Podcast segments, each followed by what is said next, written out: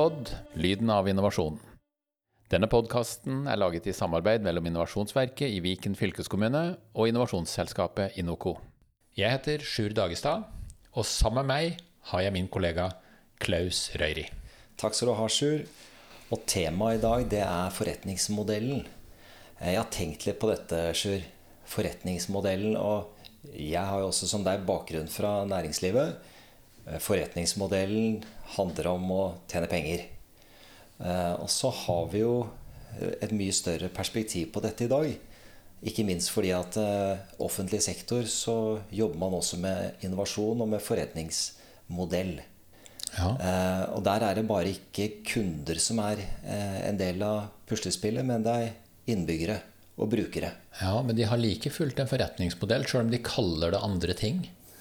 Stemmer ikke det, Klaus? Jo, det stemmer. Og da kan vi jo i hvert fall si det til start at eh, forretningsmodell det handler både om kunder og det handler om eh, det vil si er brukere, altså innbyggere. Eh, det handler om de som blir berørt av en ny tjeneste eller et nytt produkt. Og det handler om hvilke relasjoner du har, og det handler om mursten. Og det handler om varebiler og PC-er og kompetanse. Er ikke det riktig òg? Jo, det vi ser mange ganger, det er når vi starter å jobbe med et uh, innovasjonsprosjekt, så starter vi jo ikke med forretningsmodellen. Vi starter med uh, å forstå hvem er kundene, og hva er behovet som vi tar tak i. så vi begynner liksom å pirke litt borti det. Ja, altså vi tar tak i Hvis vi hadde betrakta en forretningsmodell som et hjul, så begynner vi å pirke borti en av eikene i hjulet, da, Klaus? Er det, er det det vi gjør? Det gjør vi, og eh, det har jo litt med det å gjøre at vi må vite eh, hvor er det vi starter. Ja. Eh, og dette skal vi også komme tilbake til på strategikapitlet. Ja. Men vi må starte et sted, og da må vi ta noe valg. Så vi må bestemme oss for hvem er det som er viktig for oss. Og det kan vi jo oversette til det markedet som vi er interessert i å skape noen forbedringer på. Eh, hvilken del av befolkningen, eh, hvilken del av den regionen som vi, som vi jobber i.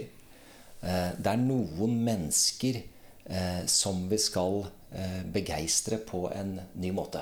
Ja, det er riktig. Og de skal vi levere en løsning til som Det er jo løsningen som skal begeistre. Og de er nødt for å betale for det på en eller annen måte. Enten de gjør det som brukere, altså indirekte. En bruker er jo en som tar i bruk en vare uten å betale direkte for den. F.eks. en skoleelev er en bruker. Tro meg, du betaler for den skoleplassen, men ikke direkte. Mens en bensinstasjonkunde er jo en kunde, for du betaler for bensinen som du kjøper. Så betalinga er der, enten det er i offentlig eller privat. Vi har jo gjerne eh, en utfordring når vi eh, begynner å jobbe litt mer med den materien der. Eh, og det er det som vi kaller for verdi. Verdiforslag. Ja. Eh, vi skal få noen med på noe som er nytt. Vi skal få noen kanskje til å gå fra én type tjeneste til en ny type tjeneste.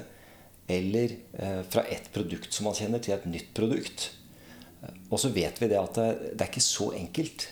Vi, vi kan ikke bare Eh, lage noe som er nytt, og så uh, tenke sånn at da får vi med oss de på det nye. Så vi må klare oss å bygge inn noe verdi.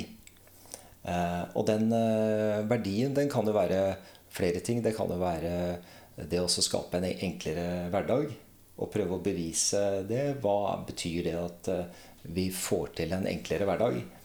Jeg, jeg, tenker, Nå vil nok sikkert noen si at ja, men Klaus, Klaus og Sjur, er dere snakker veldig abstrakt nå. Eh, altså, Tro meg, kjære lytter, for oss er dette superkonkret. Det er bare et slags kondensat av forretningsmodell. Men jeg kunne hatt lyst til bare gitt et superkonkret eksempel. Bare sånn at du som lytter, som sitter og venter på ja, fortell meg noe, noe jordnært, så kan jeg gi deg et eksempel her. Eh, og det er et eksempel jeg har opplevd sjøl. Jeg har drevet og bygd opp forretningsmodeller i mange år. Og eh, det eh, går tilbake til 80-tallet. Og min gamle mor, hun var ikke gammel da, men min mor, hun ønska seg noen bilder av en lokal kunstner. Og han bodde i Oslo, men han kom fra Ringsaker kommune. Det er 14 mil mellom de to områdene. Og jeg eh, fant da ut at bildene var mye billigere i Oslo enn de var på Ringsaker. Og jeg kjøpte tre bilder til Amor. Jeg var fattig og nyutdanna, jeg var blakk, for å si det sånn. Så, så Amor betalte det. Jeg skulle få ett av bildene, og så skulle Amor ha to, for hun var så strålende fornøyd med at vi hadde fått tak i bilder av den kunstneren så billig. Men så spurte jeg Amor kan jeg få prøve å selge oss av bilden. Og så sier jeg er du gæren, vi har jo gjort et kupp. Vi har fått tak i tre bilder til en pris jeg aldri har sett maken til. Og så sa jeg ja, men mor, jeg lover deg hvis jeg får solgt dem, skal jeg skaffe deg tre nye bilder. Jeg garanterer det. Så fikk jeg lov til å selge mors bilder. Og enden på visa var at jeg 15 eh, år senere hadde Norges nest største samling av den kunstneren. Og forretningsmodellen var at jeg kjøpte to bilder. Jeg solgte det ene for det dobbelte av det jeg hadde gitt for det, og satte igjen med det andre gratis. Så tolv år senere så hadde jeg 100 bilder av kunstneren. Dvs. Si jeg hadde totalt hatt 200, men 100 var solgt, og 100 satt jeg igjen med. Og det er en forretningsmodell.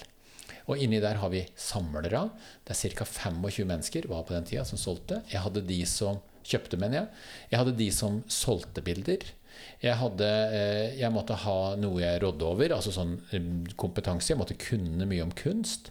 Det lærte jeg etter hvert. Jeg, måtte, jeg rådde over en bil, så jeg hadde transportmiddel, og jeg hadde relasjoner til kundene mine. Og det forretningsmessige, det pengemessige, det var, eh, det var eh, kostnaden ved kjøp og kostnaden ved salg. Jeg var ikke interessert i penga eh, på den tida. Så, så det, var penge, det var ikke penga som var drivkrafta, det var å bygge opp ei kunstsamling og kunsten. Så all fortjeneste det var egentlig kunst jeg satt med, og ikke kroner og øre. Mens andre, de skal ha kroner og øre. Så jeg håper, kjære lytter, at du nå fikk et superkonkret tilfelle. Og forretningsmodellen den kan uttrykkes enkelt ved å si kjøp to, selg ett av det for den dobbelte av prisen, og sitt igjen med det andre gratis. Og nå kommer vi inn på dette som handler om å tjene penger. Ja. I dag så ser vi jo det er mange eh, tjenester som tilbys på litt nye måter, kan vi si. Altså vi betaler før vi bruker dem. Eh, vi betaler abonnementer. Det er riktig, ja. Eh, vi blir flyttet fra abonnement til abonnement. Eh, så vi øker villigheten til å bruke tjenesten mer.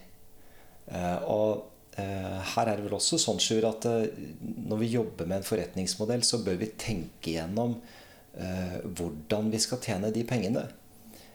Og ha en gjennomtenkt plan for det i hodet. Eh, og at eh, vi ikke gjør den feilen at det venter vi med til det er for seint. Ja, og jeg har bare lyst til å understreke et par ting. fordi eh, nå er det sikkert noen lyttere som sitter og tenker i sitt stille sinn at ja, men jeg jobber i en kommune, vi skal ikke tjene penger. Vi har ikke noe, har ikke noe eh, mål om profitt, eh, men vi skal levere en tjeneste til en lavere pris det er også å tjene penger. Og bare for å ta hva er penger? Og penger er ikke noe mål i seg sjøl. Det er det for noen, noen, men eh, for de aller fleste så er ikke penger et mål i seg sjøl. Og det er et fryktelig dårlig mål, tro meg. Men penger er som bensin på bilen. Hvis du ikke har bensin på bilen, så får du ikke kjørt. Hvis du ikke har penger, så får du ikke betalt lønn. Det gjelder like mye en kommune som det gjelder en privat bedrift.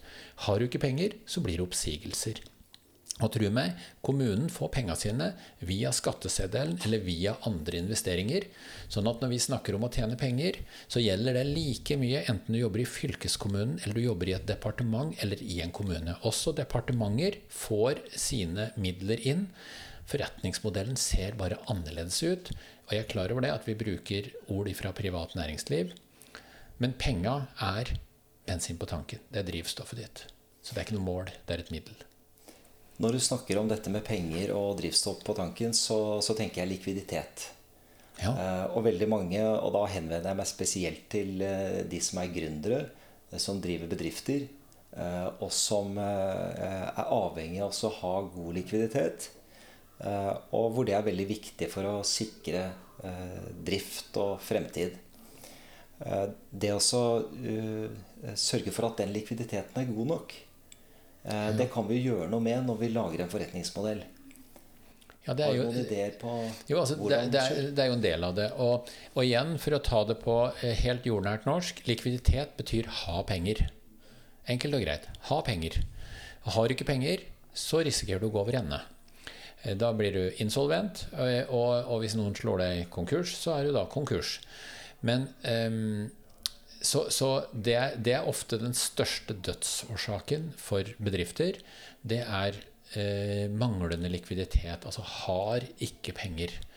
Og så kommer det da noen og sier at jeg er ikke villig til å sitte i tre måneder til og vente på at du kanskje får penger, så da slår jeg deg konkurs nå. Eh, så, så, bare vær klar over det, at det er der du svikter. Men jeg, jeg har lyst til å dra fram en litt annen betraktning og Klaus, på forretningsmodell. fordi veldig mange de har pugga Osterwalders forretningsmodell-lerret. Eller Canvas, som mange kaller det. Men jeg vil påstå at det er mange som har lært om forretningsmodell, men de har aldri gjort det. Det blir som teoretisk pianospilling. De har sett et piano, og de har hørt hvordan det lyder, og de har lært seg å lese noter, men de har ikke lagt fingra ned på tangenta. Og eh, kanskje jeg skal eh, Jeg har lyst til å dra fram en betraktning rundt forretningsmodell. Fordi eh, vi, eh, vi sitter jo i sammenhenger eller situasjoner eh, med våre kunder hvor vi gjør ulike ting. Det kan være innsiktsarbeid, eller vi jobber på prosjekter. Og noen ting innenfor innovasjon det er sånn det er 23 timers arbeid, og så skriver vi en rapport, og så er vi ferdig. Og andre ting det kan ta flere år, og forretningsmodell er en av de. På forretningsmodell så er du på mange måter Gud. Gud i ditt eget univers. Og da er vi på den biologiske betraktningen av forretningsmodell. Ikke, den, ikke en firkanta statisk modell på et A4-ark, men en flytende biologisk betraktningsmåte.